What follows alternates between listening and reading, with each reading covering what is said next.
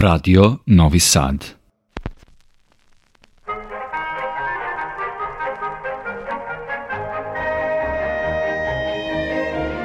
Putevima muzike. Vodi vas Olena Puškaš.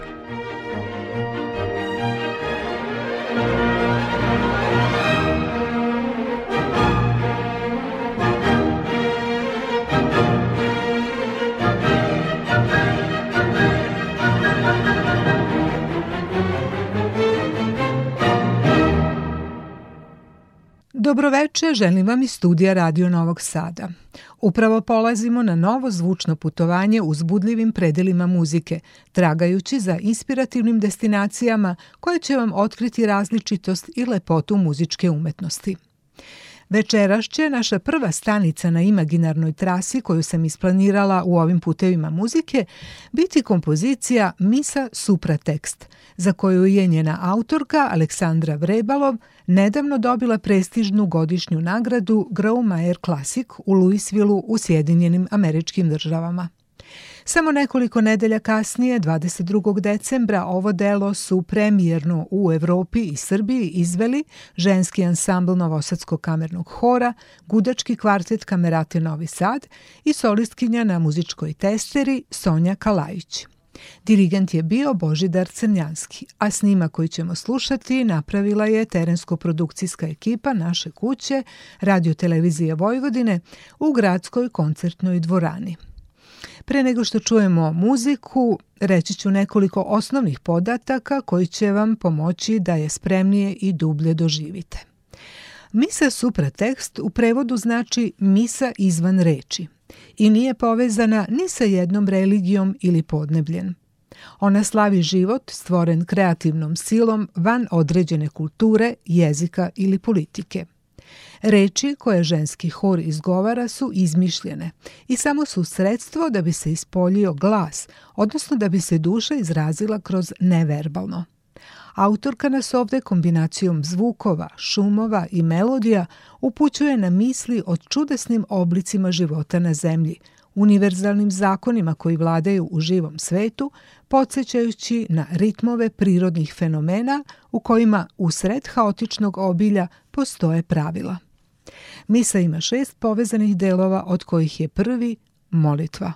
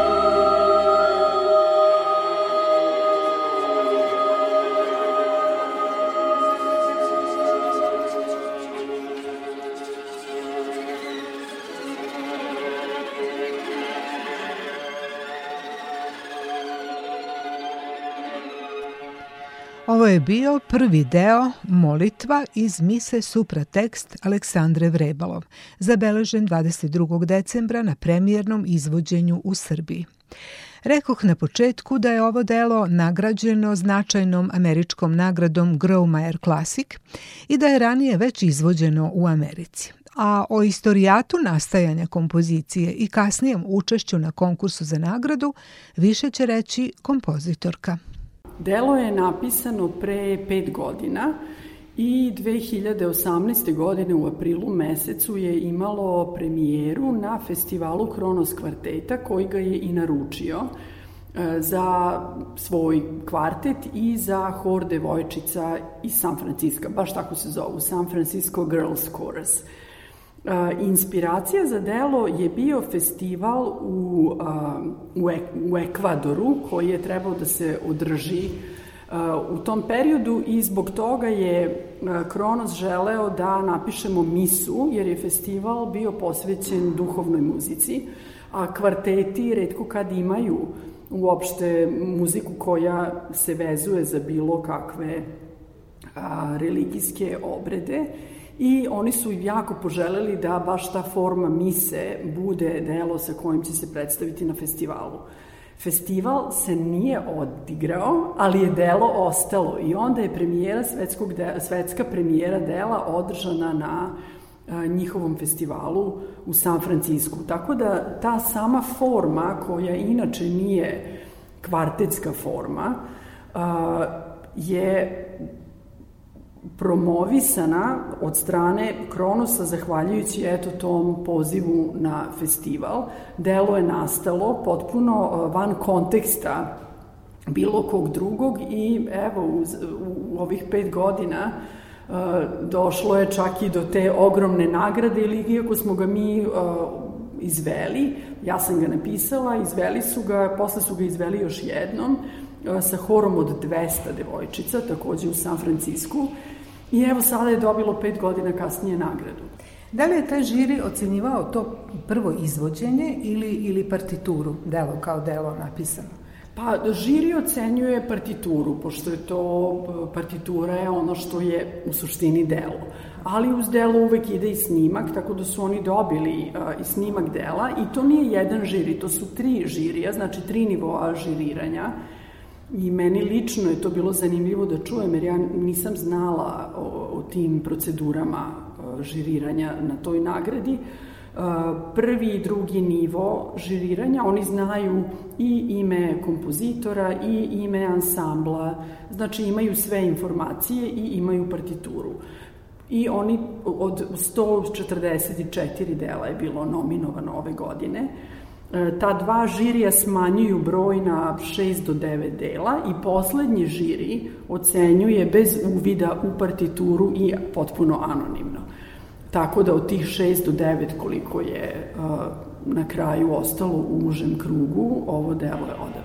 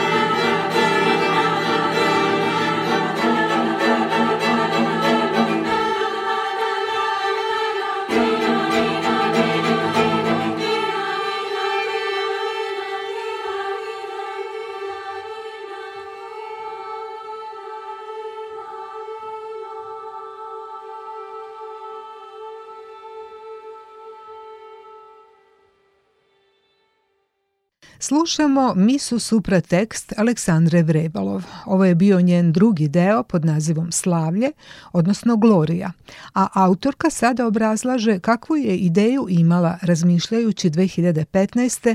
o pozivu Davida Harringtona, violiniste Kronos kvarteta koji je kompoziciju naručio za izvođenje u Ekvadoru. Sam naslov je proizišao iz te inicijalne veze sa tim festivalom duhovne muzike. Za mene lično, ja nisam htela da remetim koncept Kronosov kada su to tražili od mene, ali je to bilo za mene veliko preispitivanje. Upravo to, da li pišemo liturgijski komad ili pišem koncertnu muziku i uopšte preispitivanje tog termina misa. Zato što misa, onako kako je mi poznajemo, evo sad neću ni pričati o religiji, pričamo nama muzičarima, kako mi doživljavamo tu formu istorijski, Znači, to je liturgijska forma koja slavi našu povezanost sa Bogom i koja ne samo što slavi, nego kroz ritual te povezanosti sa Bogom mi utemeljujemo svoje postojanje i svoje ve, svoju veru.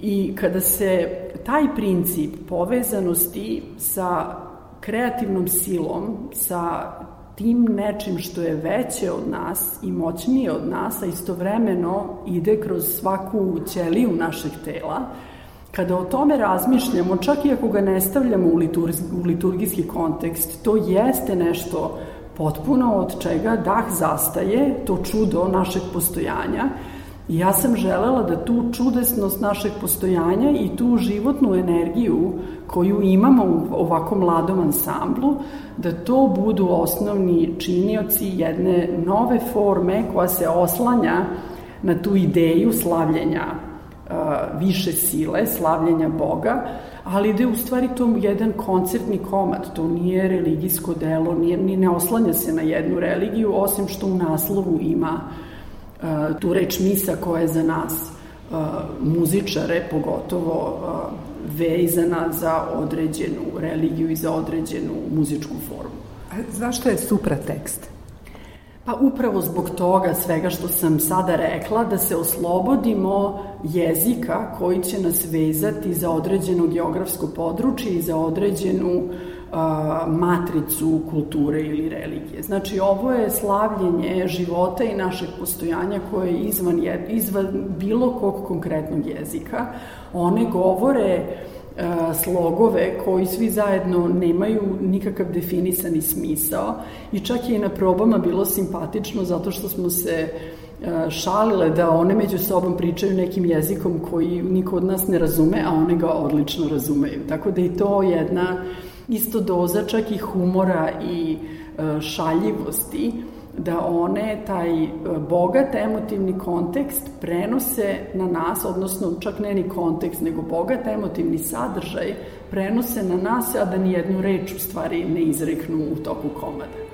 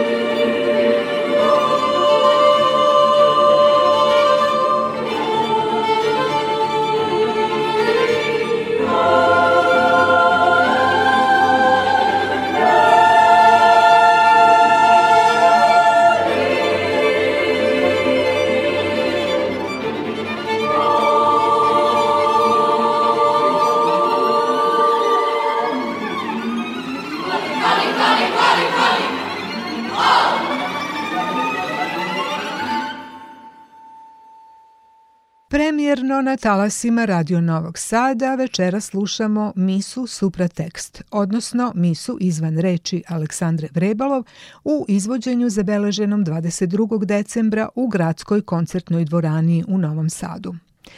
U izvođenju je učestvovao ženski deo Novosadskog kamernog hora, gudački kvartet u sastavu Bojan Glušica prva violina, Sergej Šapovalov druga violina, Kristina Tokodi violončelo i Jožef Bisak viola, a kao specijalna gošća u delu Prepuštanje ili Agnus Dei, koji ćemo za koji trenutak čuti, nastupa Sonja Kalajić na muzičkoj testeri. Pre toga slušamo deo mog razgovora s dirigentom Božidarom Crnjanskim i Sonjom Kalajić. Večeras je evropska premijera dela Misa Supra tekst koje je dobilo jednu visoku svetsku nagradu. E, da li je to neko opterećenje za vas kao dirigenta? Ne moram da budem iskren da kažem da je zaista ovo ovako za kraj ove kalendarske godine došlo kao pravo osveženje, kao nešto posebno u čemu neizbedno uživamo zaista i vrlo imamo priliku da radimo zapravo sa autorkom, da imamo priliku da prolazimo kroz jedan uh, proces zajedno, znate da popravljamo stvari, da ih činimo bolje, da ih prilagođujemo na kraju krajeva, a da se naravno delo ne izgubi na autentičnosti. Tako da mislim da sve devojke koje su članice Notskog kamernog hora i mene lično ovo je velika radost. Imamo zaista jedinstvenu priliku da uživamo u ovom egzotičnom delu, svi, svi zajedno, svi skupa. Da li mi je ova partitura bila nešto neobično? Vi u stvari s njima radite vrlo širok repertoar, pretpostavljam da nije, ali ipak je ovo specifičan, specifičan stil Jeste. Partitura podrazumeva dosta uputstava za izvođače i mi smo naravno, u, opet ne nagašavam, u saradnji sa ovaj, autorkom, ali naravno partitura je samo po sebi vrlo jasna, precizna i ono što se zahteva od izvođača uh, je jasno definisano. Tako da uh, ima tu puno i govornog pevanja i uh, uzvika i tako da ne samo toga, nego, nego i uh, interesantnih akorskih struktura, na tu su i zvona i sve ostalo što, što ste imali preko da čujete. Uh, tako da za devojke nije ovo bio naročito težak zadatak. U tom smislu više bila, kao što kažem, uživanje i više bila sama radost u čitavom procesu evo do, večerašnje premijere. Sonja Kalajić, kakav izazov je vama bilo učešće u ovoj kompoziciji Misa Supra tekst Aleksandre Vrebalov? Vaša uloga je ovde e, kratka, ali vrlo upečatljiva. Jeste veoma zanimljivo delo, ja sam veoma radosna što učestvujem u ovom projektu i što izvodim ovu kompoziciju. To je prvo domaće delo iz oblasti umetničke muzike koje je specijalno pisano između ostalog i za testeru, dakle e, predviđeno je baš za taj instrument. E, jedino pre toga što sam svirala baš od naših autora, to je bila Jasnovićević sa svojom kompozicijom zvuk ptica, ali to je, da kažem, u domenu neke eksperimentalno jazz sfere i naravno nešto, da kažem, iz pop muzike, ali ništa toga nije bilo ovako ozbiljno, ovako značajno. E, pogotovo što je reč o jednom delu koje je prestižno nagrađeno. Vaš instrument testera se ovde kombinuje sa ženskim glasovima, što je vrlo lep efekat proizvodi. Kako je vama zvučalo kad ste prvi put čuli tu kombinaciju svog instrumenta i tih ženskih glasova, kako ste se osjećali? Pa generalno ovo delo mene najviše oduševljalo svojim koloritom i spajanjem različitih e, efekata i kolora u nekom smislu otkrovenja nekog magičnog sveta. Ja to tar, naravno tako doživljam. Možda se kompozitorka ne bi samo složila, možda to njoj nije bila primarna ideja, namera, ali ja ovako kao instrumentalista i, i slušalac mogu da kažem da je to e, najviše ostalo na mene taj utisak, taj veliki raspon kolorita, veliki raspon a, igre sa različitim a, zvučnim efektima i a, na kraju krajeva i nekom, nekom uslovno rečenom vrstom reminiscencije, jer možemo tu opoziti najmodernije zvuke, zvuke 21. veka, a s druge strane neke tragove folklora, dakle neke preistorijske zvuke. I ta širina to je ono što pleni, a naročito plene ti lirski momenti, ti, kažemo, fluidni, um, eterični momenti ove kompozicije koje su možda, ako se ne varam, jedna od um, boljih karakteristika same autorke.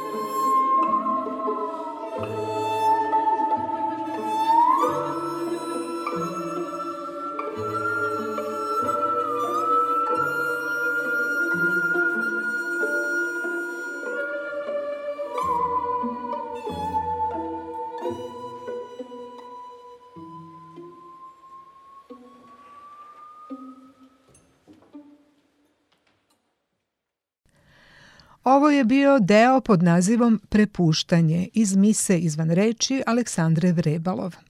Naši domaći izvođači su se potrudili da dostojno izvedu delo koje je fondacija Henrya Charlesa Graumajera izabrala za najbolju kompoziciju u 2024.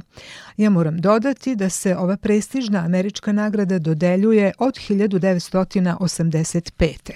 Prvi dobitnik bio je Vitold Lutoslavski i to za svoju treću simfoniju. Kasnije su među dobitnicima ove nagrade bili Đerđi Ligeti, Kšištof Penderecki, Toru Takemitsu, John Adams, Pierre Boulez, Đerđ Kurtak i drugi, a najnovija dobitnica je naša Aleksandra Vrebalov, koja od pre par godina radi kao redovni profesor kompozicije na Akademiji umetnosti u Novom Sadu. Upitala sam je kako je bila zadovoljna izvođenjem mise Supratekst, koje je kao dirigent vodio Božidar Crnjanski.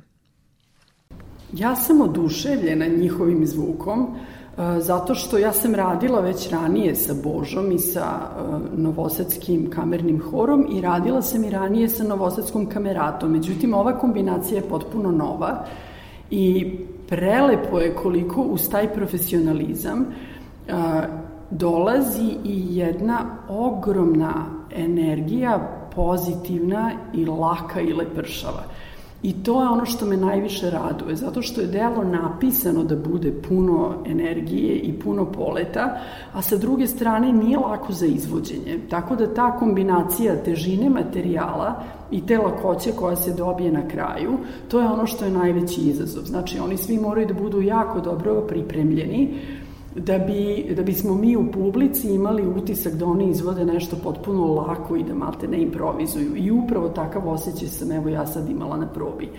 Naravno, jako značajan dodatak što, ansamblu što se tiče boje je muzička testera, odnosno to nije muzička testera, to je najobičnija testera industrijska koja se svira gudalom Tako da je taj zvuk nešto na što mi ovde nismo navikli zato što kod nas jedina osoba koja svira testeru je Sonja Kalajić i mi imamo ogromnu sreću da je ona e, prihvatila da radi sa nama i da je baš i slobodna, jer e, nema, ne bi to niko drugi ovde mogao umesto nje da odsvira. A zašto ste odabrali baš testeru u ovoj kombinaciji? Šta taj zvuk vama znači?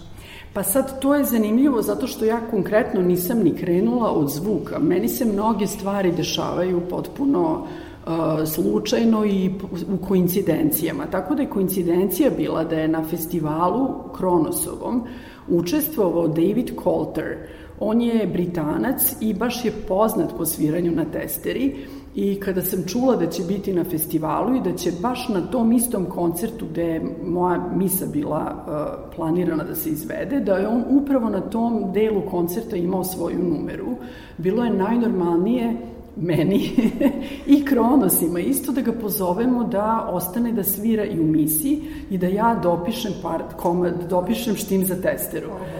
I onda sam razmišljala koje je to mesto gde ona može zaista da se istakne e, do maksimuma i tako je taj pred sam kraj taj jedan lirski e, nevin, otvoren, tako nebeski neki segment e, muzike bio najbolje mesto i samo u ta 3-4 minuta u celom komadu svira testera zato što smo imali tog fantastičnog solistu. I sada je pred nama poslednji deo ove kompozicije koji govori o slobodi. Karakteriše ga svetlucavi zvuk zvončića, koje su na kraju izvođenja horiskinje pronele i kroz publiku, simbolično nadrastajući sve granice i razlike među ljudima, objedinjujući ih u radosti življenja.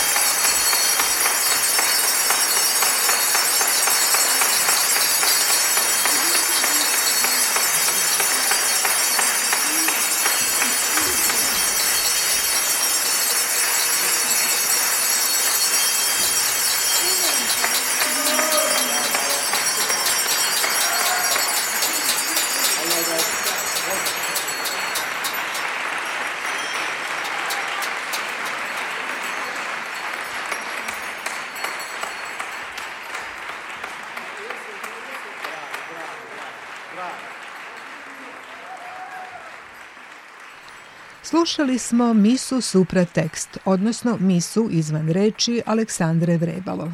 Ženskim horom i gudačkim kvartetom čiji su članovi bili Bojan Glušica, Sergej Šapovalov, Jožef Bisak i Kristina Tokodi, dirigovao je Božidar Crnjanski.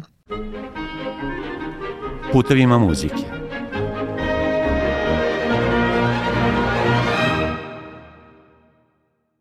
Na istom koncertu, održanom 22. decembra u gradskoj koncertnoj dvorani, slušali smo još jednu premijeru. To je bila kompozicija novosadske autorke Smiljane Vlajić pod nazivom Binary Dance. Smiljana Vlajić je inače redovni profesor i šef katedre za kompoziciju i teorijske umetničke predmete na Akademiji umetnosti u Novom Sadu. Bila je i direktor Pokrajinskog kulturnog centra Miloš Crnjanski, u kom je kreirala brojne razvojno-istraživačke projekte, tribine i druge programe. Uoči izvođenja njene najnovije kompozicije, upitala sam je da nam nešto više kaže o njoj. Večera se premijerno izvodi jedno vaše vrlo neobično delo koje spaja gudače, dečiji hor i elektroniku. E, kada je ono nastalo i o čemu se radi? Da, pa nastalo je zapravo vrlo skoro. E, to je zapravo bila poručbina e, i mogu reći neka inicijalna ideja moj kolege violončeliste Marka Miletića, on je inače umetnički rukovodilac kamerate i došao je na ideju da napravimo ovako nešto i onda smo dalje promišljali šta ćemo i kako ćemo i iz svega toga iz, izašlo je kompozicija koja se zapravo na jedan seriozan način obraća uh, mlađoj tineđerskoj populaciji sa nekom generalnom porukom da eto u virtualnom svetu sve je tako šareno i lepo, ali ovaj naš svet realan je ipak malo bolji. To je jedna stvar i zapravo na kraju mi smo stavili sample ovaj, dečijih glasova sa igrališta i sa parkova sa porukom da su parkići uvek željni dece. Vrlo je neobična kombinacija i mislim da deci nije bilo jednostavno da se snađu u ovakvoj muzici, e, da slušaju elektroniku i gudače i imaju vrlo neobičan u stvari taj tekst i govor. Kako ste zadovoljni? Da, ja moram da kažem da je tekst konkretno za ovu kompoziciju napisala veštačka inteligencija. I e, njoj je zadat, zapravo bio zadatak da napravi jedan tekst koji će biti s jedne strane e, upozoravajući, a s druge strane da malo prikaže koji su to glavni termini vezani za virtualni svet. I dobili smo to što smo dobili. Ja sam taj tekst malčice prilagodila i upakovala na način da to bude i deci prihvatljivo, razumljivo i s druge strane da, da se nekako uklopi u čitavu, u čitavu ovu priču. Tako da e, deci je taj jezik blizak, deci su ti termini bliski, oni koriste u svakodnevnom govoru i to je ono što oni na kraju tamo iskandiraju, ovaj, to, su, to su zapravo ti neki ključni termini koji, koji najčešće zapravo srećemo. Koji su to termini? Pa oni govore i Snapchat i online, delete i tako dalje. E, mislim, to su sve neki izrazi koji oni e, sada zapravo koriste u svakodnevnom. To je njihov, njihov realan jezik. To je prosto tako. I veštačka inteligencija je na, deo naše realnosti. Ova deca odrastaju sa njom. Sada ćemo čuti izvođenje kompozicije Binary Dance, koje počinje odlomkom iz priče Alisa u zemlji čuda. A pored ansambla Kamerata Novi Sad, tu je i dečiji hor muzičke škole Josip Slavenski i elektronika. Dizajn zvuka je uradio Branislav Mitić, a diriguje Ljiljana Stojmenović.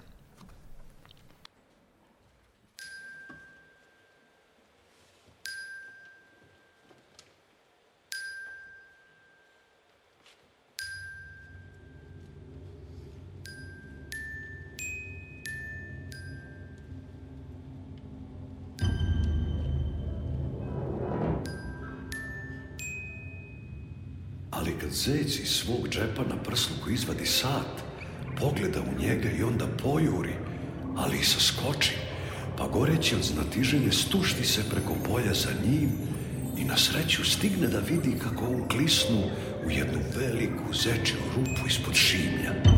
Istoga trena i Alisa se sjuri za njim ne misleći ni trenutka kako će se odatle izvući. Rupa se najpre pružala pravo kao neki tunel, onda se naglo obrušavala.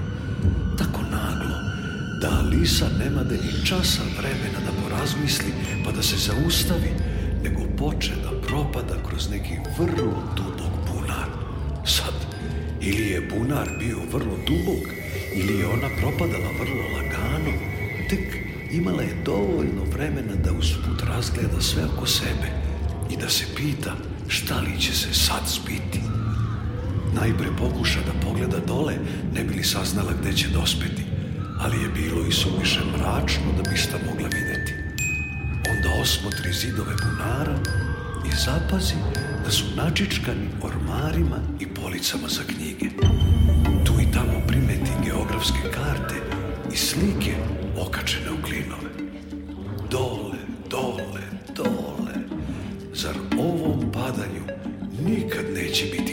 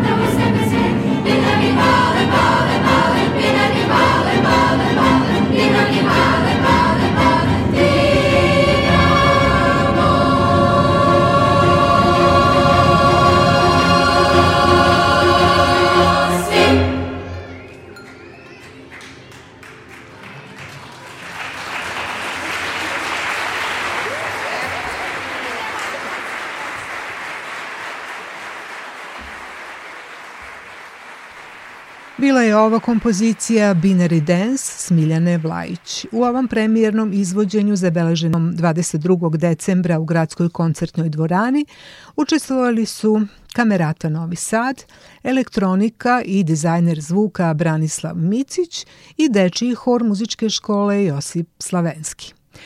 Njihovoj dirigentkinji Ljiljani Stojmenović postavila sam nekoliko pitanja, pa da čujemo odgovore.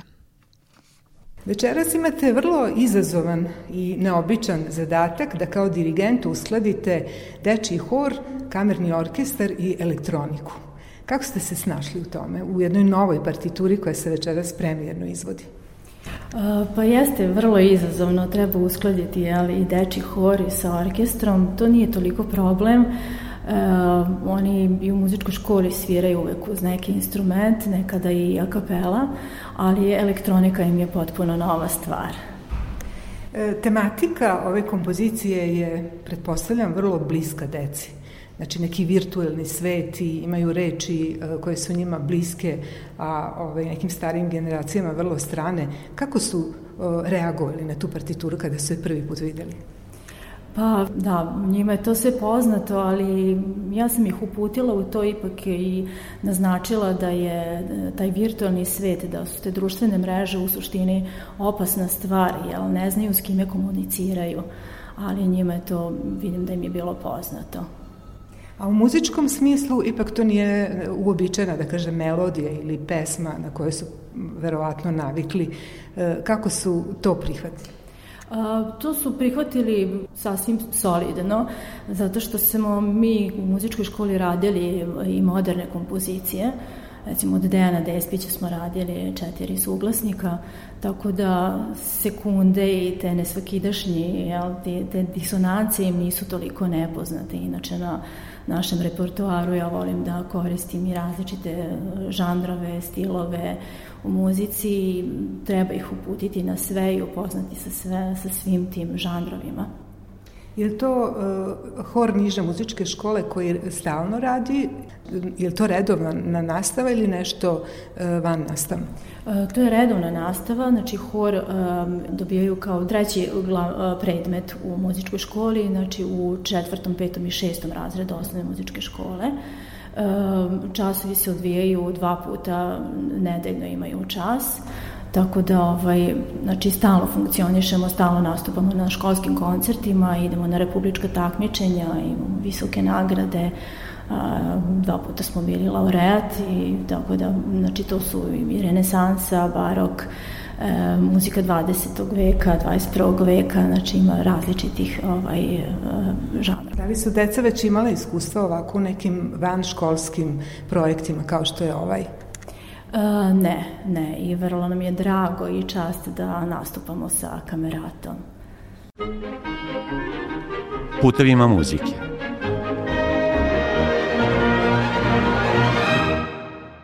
Ostaćemo još nekih 30 minuta na programu koji je Kamerata Novi Sad izvela krajem prošle godine u gradskoj koncertnoj dvorani.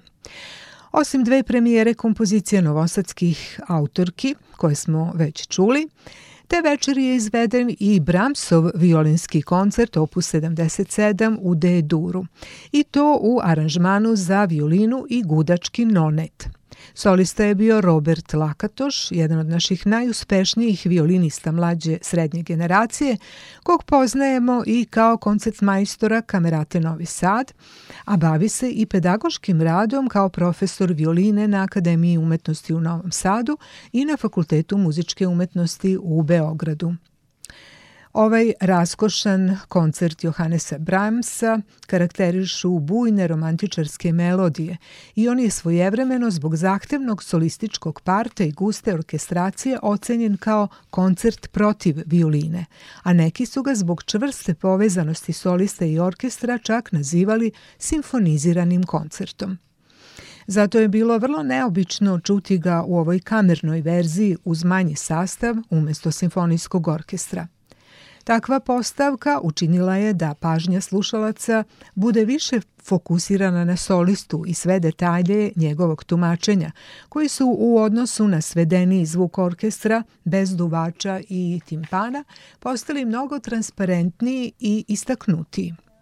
Lakatoš je delovao odlučno u ovakvoj ulozi, pleneći svojim pevnim i sonornim tonom violine, ali i besprekornom tehnikom koju je sa puno mašte usmerio na otkrivanje dubljih slojeva Bramsove partiture.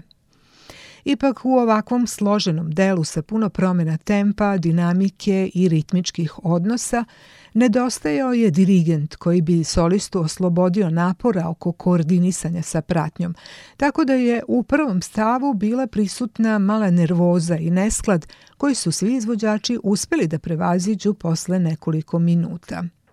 Zato ćemo ovom prilikom izdvojiti drugi i treći stav koncerta.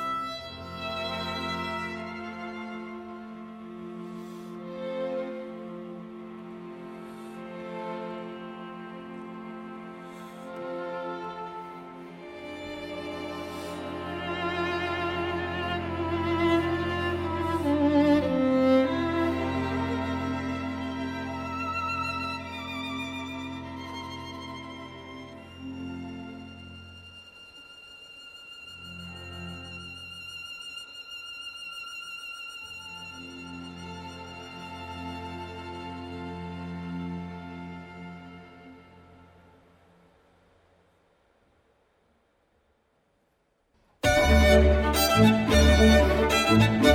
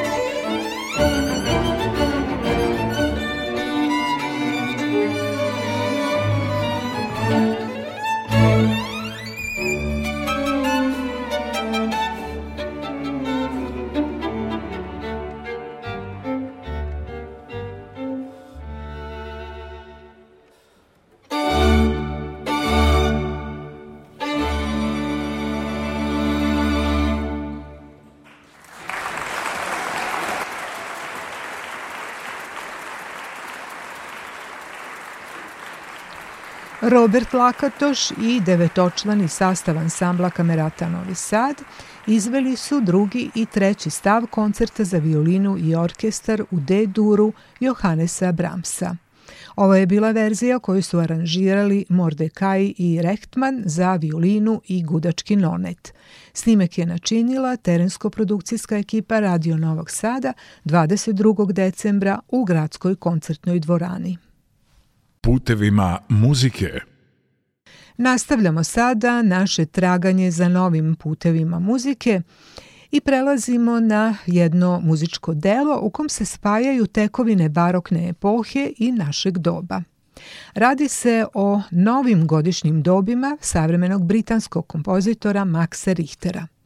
Opisujući ovo delo, On sam kaže da je ovde primenio tehniku takozvanog prekomponovanja, pri čemu je iskoristio svega 25% originalnog Vivaldijevog materijala i u kratkim fazama i petljama ga provukao kroz mešavinu sintetičkog i prirodnog zvuka.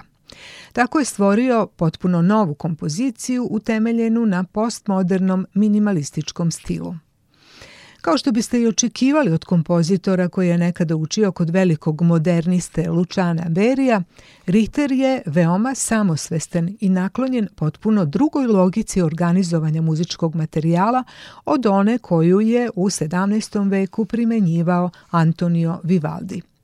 Ipak fleševi prepoznatljivih Vivaldijevih tema i ritmova koje slušalac registruje u Richterovim originalnim repetitivnim obrazcima stvaraju zanimljivo trenje i fascinantnu dvosmislenu dimenziju kompletnog utiska. Richter zadirkuje i pojačava ovu boju, stvarajući novo, suptilno i dirljivo delo koje sugeriše da je posle godina dosadnih disko i trans verzija Mozarta polje klasičnog remiksa konačno postalo interesantno. Delo je napisano 2012. Prvi izvođači su bili violinista Daniel Hope i Berlinski Koncerthaus Orkestar. A ono što je još zanimljivo jeste da je najnoviji snimak Richterovih godišnjih doba načinjen 2022. za Deutsche Grammophon i dobio je jednu specijalnu nagradu nemačkog opus klasika, koji na kraju svake godine objavljuje svoju listu najuspešnijih u prethodnoj godini. U izvođenju je učestvovala veoma zanimljiva ekipa savremenih mladih muzičara. Solistkinja američka violiniskinja Elena Jurioste, koja svoju svestranost prikazuje baveći se jogom, pisanjem i aktivizmom u očuvanju prirode. Uz nju je i jedan vrlo specifičan britanski orkestar Chine Kei. O orkestru i pomenutoj nagradi reći ću nešto više posle ciklusa Zima, koji Kao i original, takođe ima tri dela, to jest tri stava.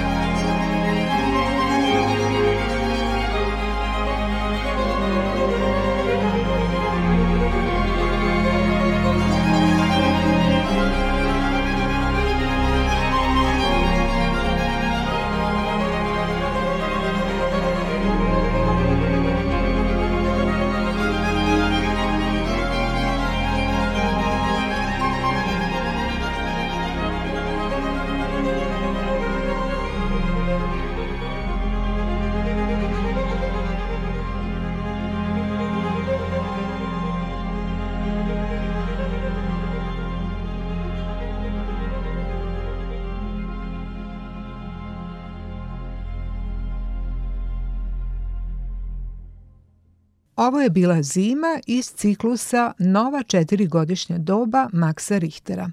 Solistkinja je bila Elena Jurioste, a uz nju je bio britanski orkestar Chine Kei, koji je 2015. u Londonu osnovao kontrabasista afričkog porekla Chi Chi Noku, kako bi pružio mogućnost za karijeru crnim i etnički raznolikim klasičnim muzičarima u Velikoj Britaniji i Evropi.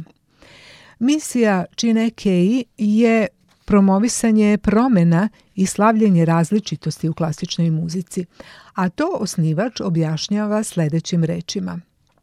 Moj cilj je da stvorim prostor gde crni i etnički različiti muzičari mogu da hodaju binom i znaju da ukoliko imaju talenat, ovde pripadaju u svakom smislu te reči.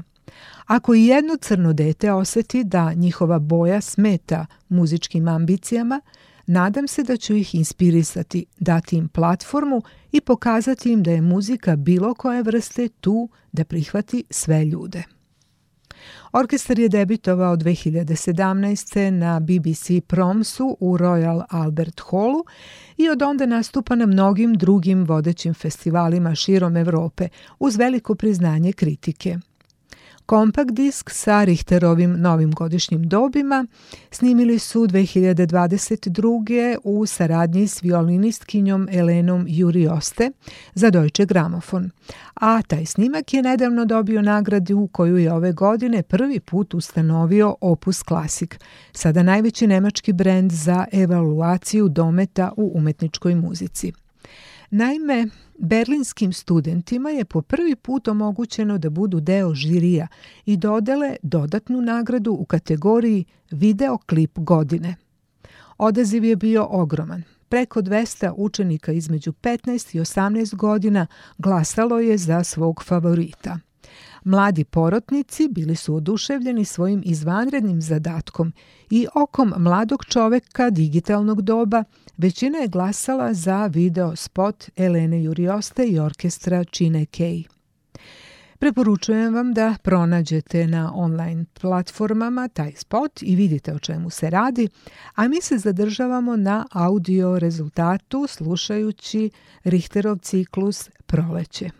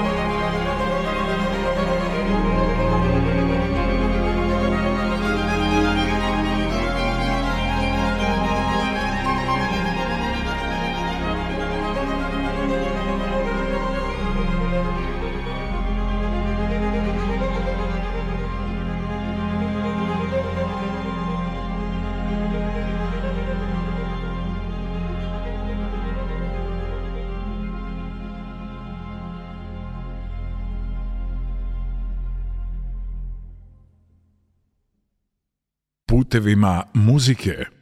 Pred nama je još jedan završni deo večerašnje trase muzičkog putovanja. Vreme do ponoći provešćemo uz ritmove Amerike. To je naime naslov kompozicije Boba Mincera za kvartet saksofona i orkestar. Delo je prvi put u Novom Sadu izvedeno 2018. na festivalu Nomus. Tada su na koncertu Vojvođanskog simfonijskog orkestra kao solisti nastupili članovi kvarteta Signum iz Nemačke i otkrili našoj publici ovu sjajnu muziku u kojoj se prepliče klasičan stil sa džezom, bluzom, afro i karibskim elementima koji su prisutni u savremenoj američkoj muzici. Uživajte u izvođenju zabeleženom u Novosadskoj sinagogi. Dirigent je bio gost iz Velike Britanije Timothy Redmond. A meni sada ostaje samo da vas pozdravim iz studija Radio Novog Sada u ime dežurne tonsko-tehničke ekipe. Ja sam Olena Puškaš, želim vam prijatne trenutke uz naš program i svako dobro.